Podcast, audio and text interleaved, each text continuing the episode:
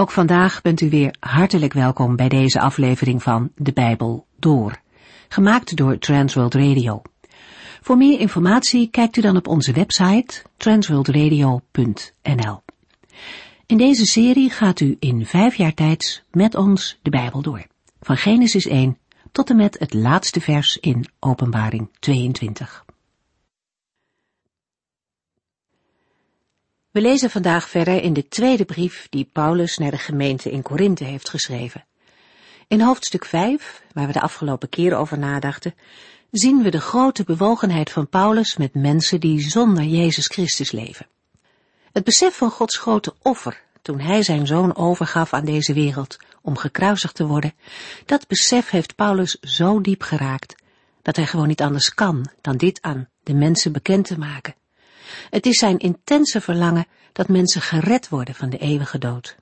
Hij heeft er alles voor over om iedereen bekend te maken met het evangelie. Paulus blijft er dus niet onverschillig onder. Het offer van Christus en de verloren toestand van mensen zet hem aan tot actie. Goeie vraag voor ons. Hoe bewogen staan wij nog ten opzichte van mensen om ons heen? Hoe diep raakt het ons als mensen God de rug toekeren? We hoeven geen apostel zoals Paulus te zijn om bewogen te zijn over het lot van mensen om ons heen. We kennen en dienen dezelfde Heer. De grote opdracht van de Heere om overal aan iedereen te vertellen wat Jezus Christus heeft gedaan, is ook aan de christenen van vandaag gegeven. De liefde van Christus voor ons is net zo groot als toen, in de begintijd, voor de discipelen. En die liefde moet en mag onze drijfveer zijn om overal waar we kunnen de naam van de Heer Jezus bekend te maken. Het is een geweldige zegen dat dat in deze tijd ook via de radio kan. Transworld Radio mag in veel landen over Jezus vertellen. En zo komen we ook als het ware binnen in landen waar het christendom verboden is. Via de radio horen mensen het evangelie en kunnen ze opgebouwd worden in het geloof. Het is geweldig hoe de Heer ook op deze manier mensen kan bereiken. Wilt u meer weten over dit zendingswerk? Kijk dan eens op onze website www.transworldradio.nl. Het is bemoedigend om te zien hoe de Heere God zijn werk overal in de wereld door laat gaan. Wij lezen nu verder 2 Korintiërs 6.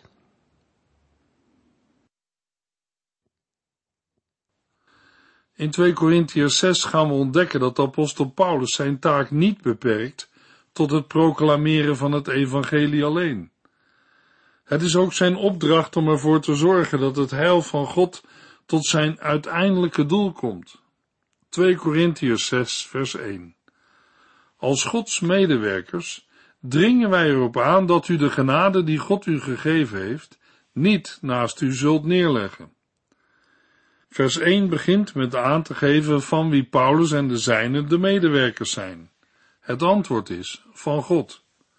We mogen ook zeggen van Christus, maar dat is hetzelfde. De Here kunnen we ook aanduiden met de Vader, de Zoon en de Heilige Geest.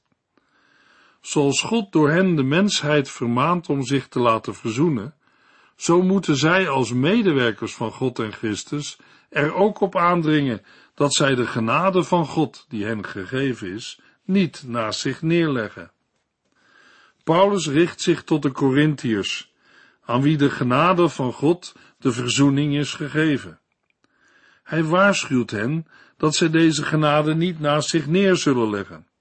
Dat gebeurt als zij hun levenswandel niet in overeenstemming met het evangelie zouden brengen. Voor de rechterstoel van Christus zou dan kunnen blijken dat ze geen loon ontvangen, of zelfs het geloof in Christus kwijtraken. 2 Korintiërs 6 vers 1 Als Gods medewerkers dringen wij erop aan dat u de genade die God u gegeven heeft niet naast u zult neerleggen.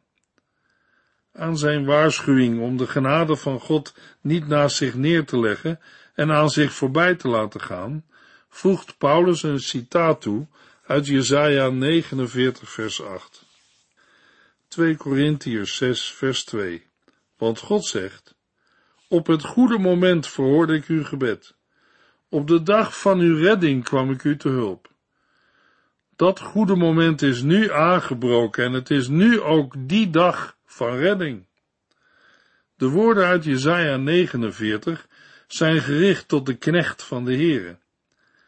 Met deze woorden bemoedigt God zijn knecht, nadat deze zich beklaagd heeft over een gebrek aan gehoor en respect bij het volk Israël.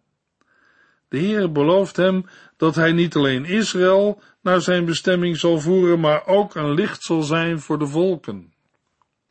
Paulus, ook een knecht van de Heere, betrekt deze woorden op zijn apostelschap, in dienst van de knecht van de Heere, Jezus Christus. Ook hij weet dat hij verhoord en geholpen wordt. Het goede moment is de tijd die God doet aanbreken om zijn genade te schenken. De dag van redding is de tijd waarin God de mensen de mogelijkheid biedt om behouden te worden. Deze woorden hebben dan ook actuele betekenis voor de Corinthiërs en de hele mensheid. Het beslissende karakter van de tijd waarin wij leven wordt duidelijk gemaakt met het woordje nu.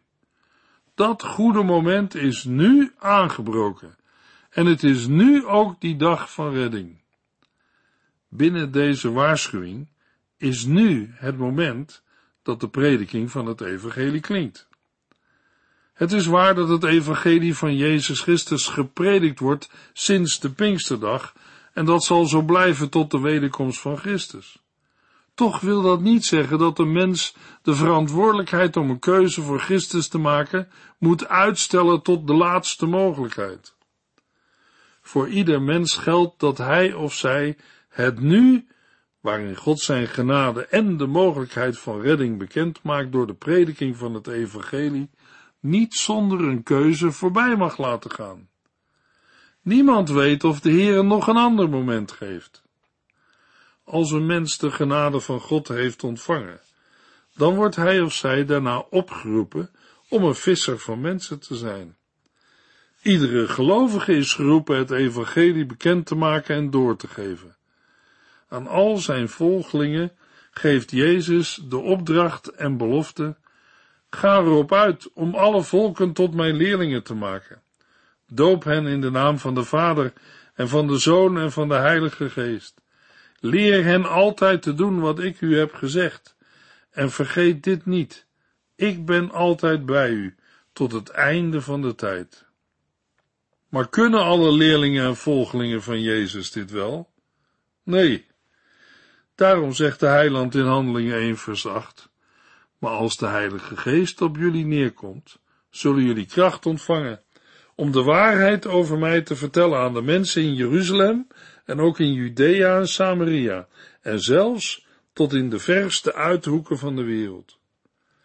De Heere zorgt zelf voor de toerusting van zijn gemeente.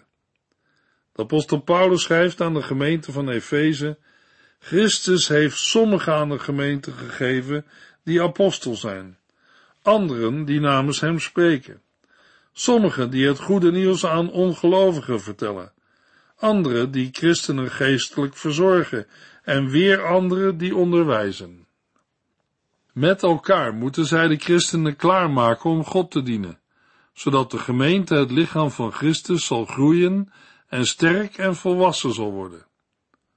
Hoe is dat in uw kerk of gemeente? Groeit uw kerk en is uw gemeente sterk en volwassen? Buitenstaanders hebben dat beeld niet van de kerk.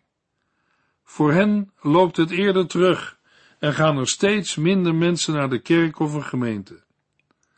Niet-gelovigen associëren een kerk of een gemeente met iets van vroeger. Misschien moeten wij van heel wat mensen in Nederland wel zeggen, ze hebben de genade die God hen gegeven heeft naast zich neergelegd. En wie gaat deze weggelopen schaapjes zoeken? Ook daarvoor heeft de Heere zijn kerk en gemeente uitgekozen. U, jou en mij. Wat doet uw kerk of gemeente vandaag om het woord van God uit te dragen naar anderen? Luisteraar, u hebt in uw omgeving contacten en mogelijkheden die anderen niet hebben. In uw omgeving zijn mensen die vertrouwen in u stellen. Ze zullen naar u luisteren, omdat ze u kennen en iedere dag regelmatig zien. Zij zullen niet zo snel naar een wild vreemde luisteren, of op een christelijk radiostation afstemmen. Tenzij u hen aanmoedigt om te luisteren of samen gaan luisteren. Christenen mogen Gods dienaren en medewerkers zijn. Misschien is voor de mensen die u vandaag aanspreekt met het evangelie wel het goede moment aangebroken en is het vandaag de dag van uw redding. Daar wil de Heer u voor gebruiken. Dat is toch geweldig? Ook daarom is hoe wij leven wel belangrijk. 2 Korintiërs 6 vers 3 Wij leven zo dat niemand door onze houding van de Heer wordt afgehouden. Zo kan van ons werk geen kwaad worden gesproken. Paulus zorgt ervoor dat zijn levenswandel in geen enkel opzicht afbreuk doet aan de boodschap of aanleiding is tot laster en verdachtmakingen van zijn apostelschap. Niemand mag door zijn gedrag afgeremd of verhinderd worden om tot geloof in God te komen. Hoe Paulus zich dan gedraagt, wordt in de volgende verse beschreven. Uit andere Bijbelteksten kunnen we nog noemen het niet aannemen en vragen van een financiële vergoeding in Korinthe en het zich aanpassen aan de gevoeligheden van de zwakken. Daarbij zullen we steeds moeten bedenken dat wij niet iedereen een plezier kunnen doen, maar het is een poging waard om er zoveel mogelijk voor Christus te winnen. Paulus schrijft, wij leven zo dat niemand door onze houding van de Heer wordt afgehouden. Zo kan van ons werk geen kwaad gesproken worden. 2 Korintiërs 6 vers 4 Bij alles wat wij doen, willen wij laten blijken dat we echte dienaren van God zijn. Wij verdragen geduldig allerlei pijn en moeite ter wille van de Heer. Paulus beveelt zichzelf niet aan als een geweldige dienaar van God.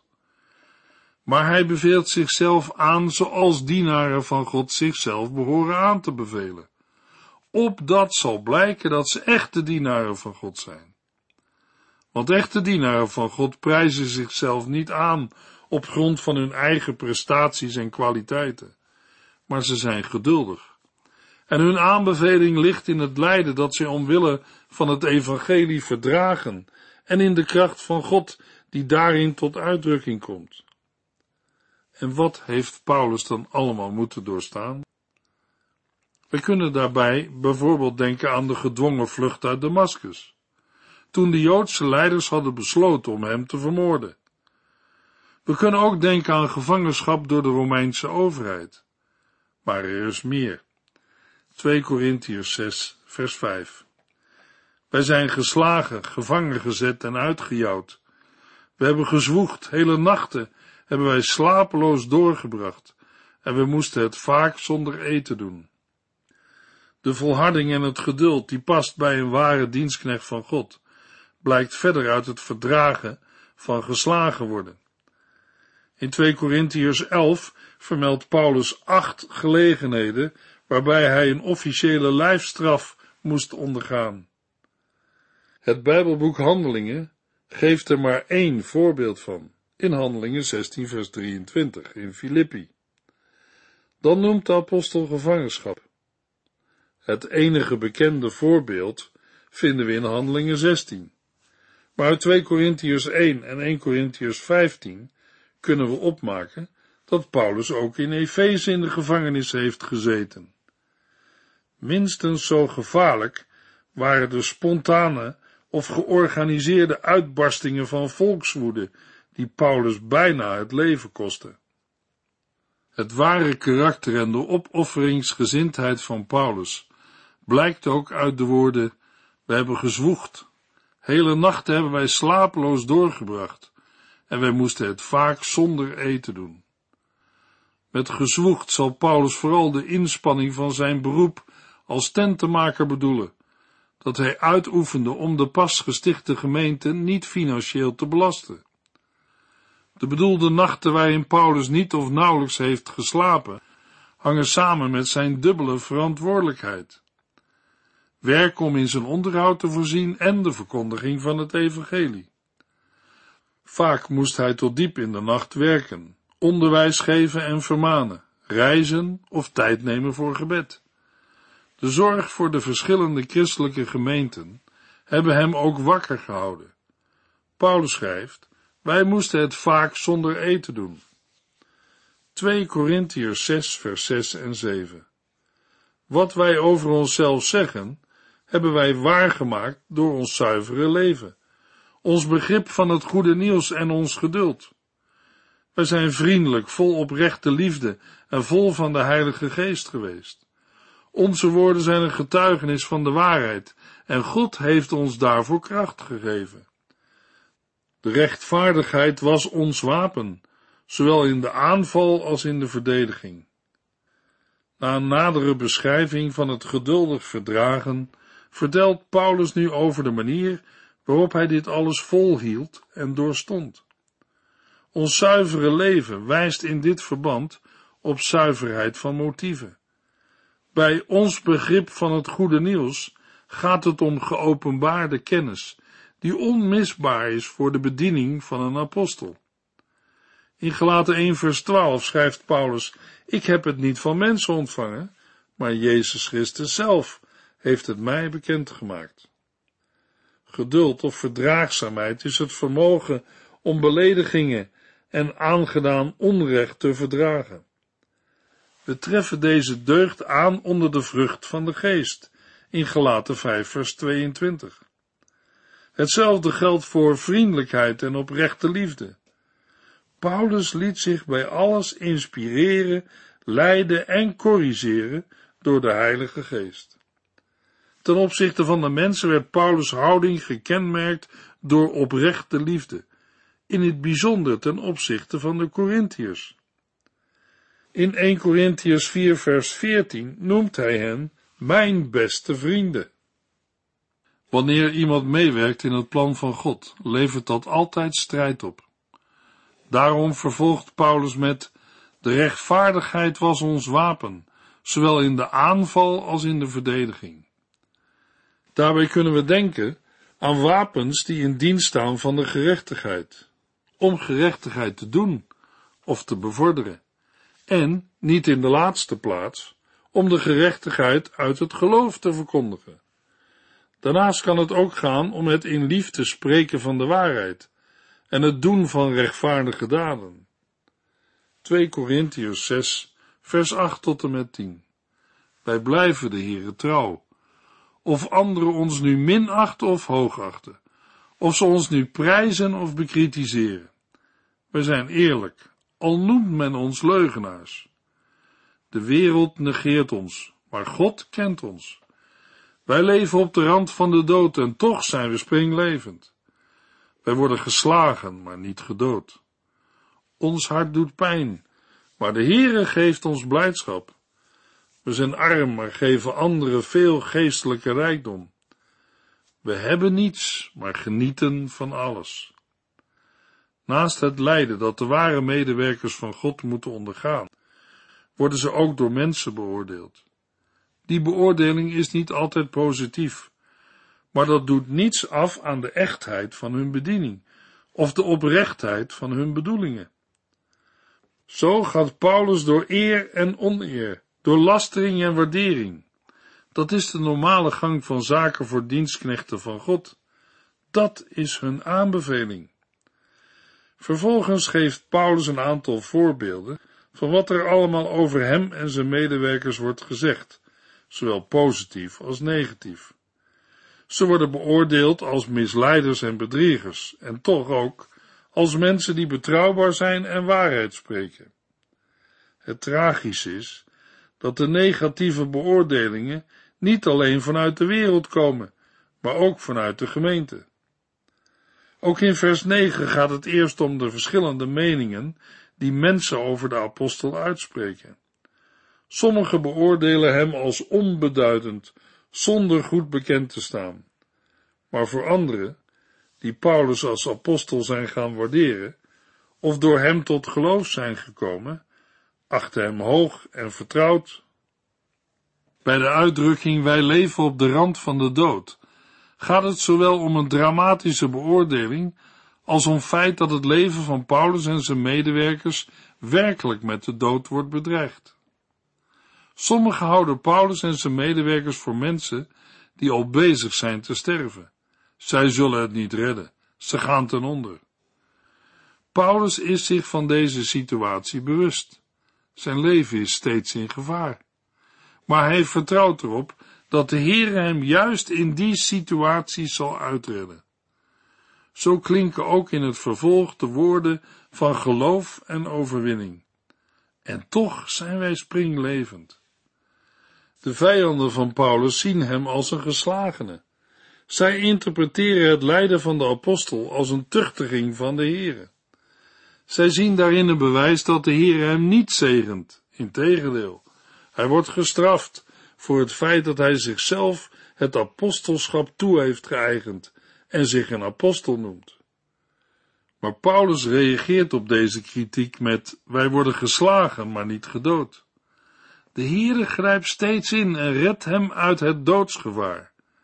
Dat zou de Heere nooit doen als Paulus geen echte apostel was.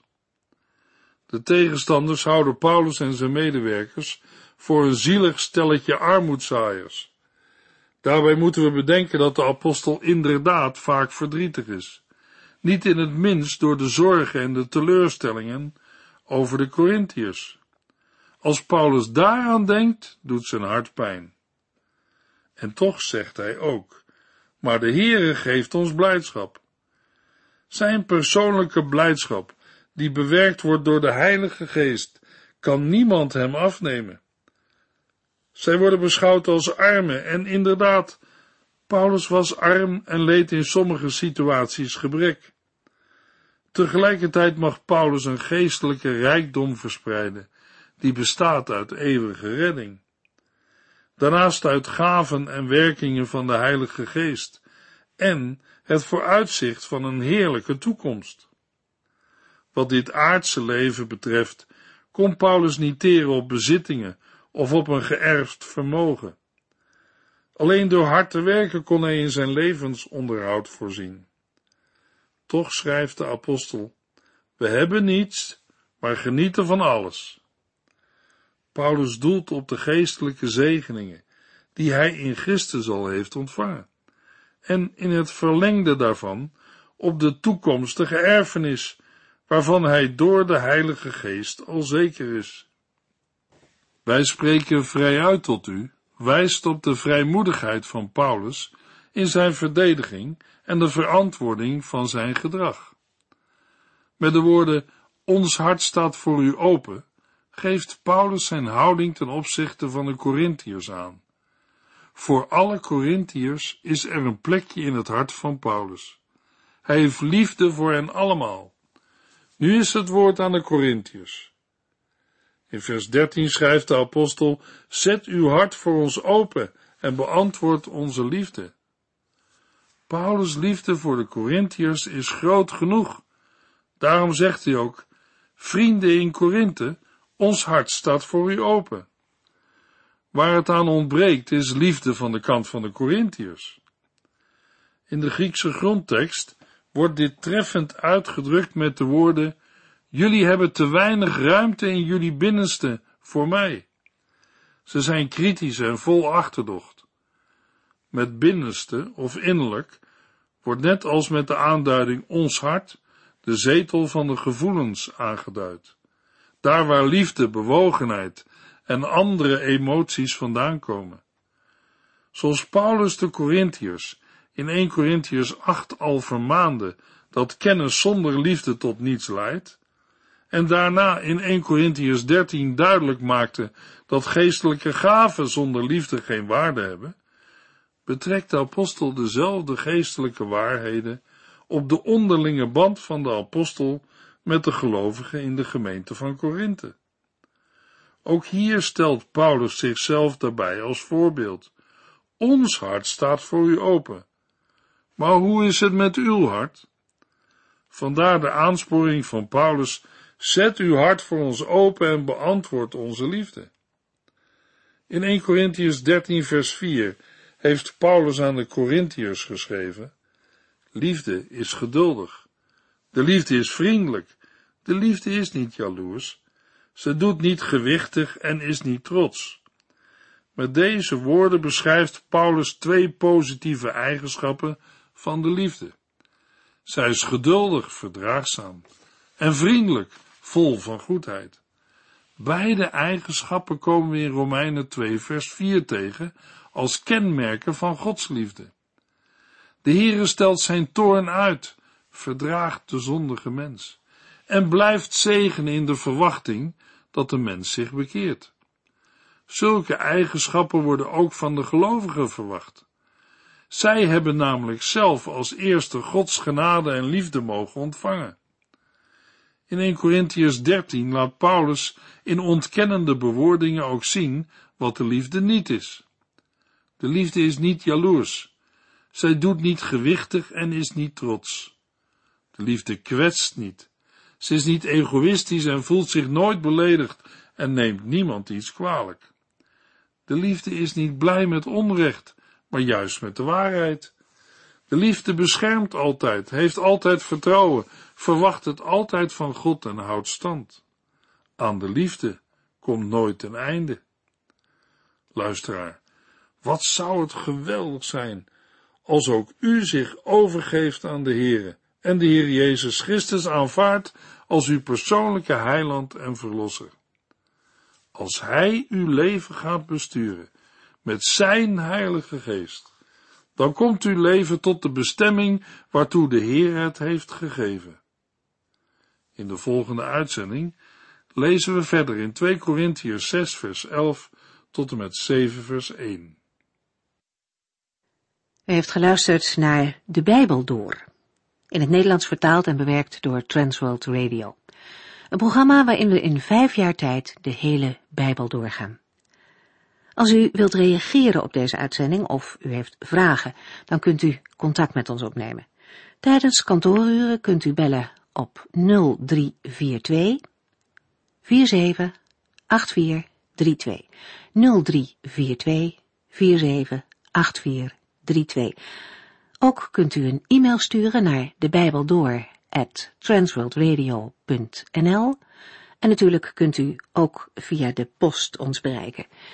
TWR, postbus 371, postcode 3770, AJ in Barneveld. Dit programma werd gepresenteerd door Cor Weda en Ike André. Techniek was in handen van Odin van Woerkom. En wij allemaal bedanken u voor het luisteren. Graag tot de volgende keer.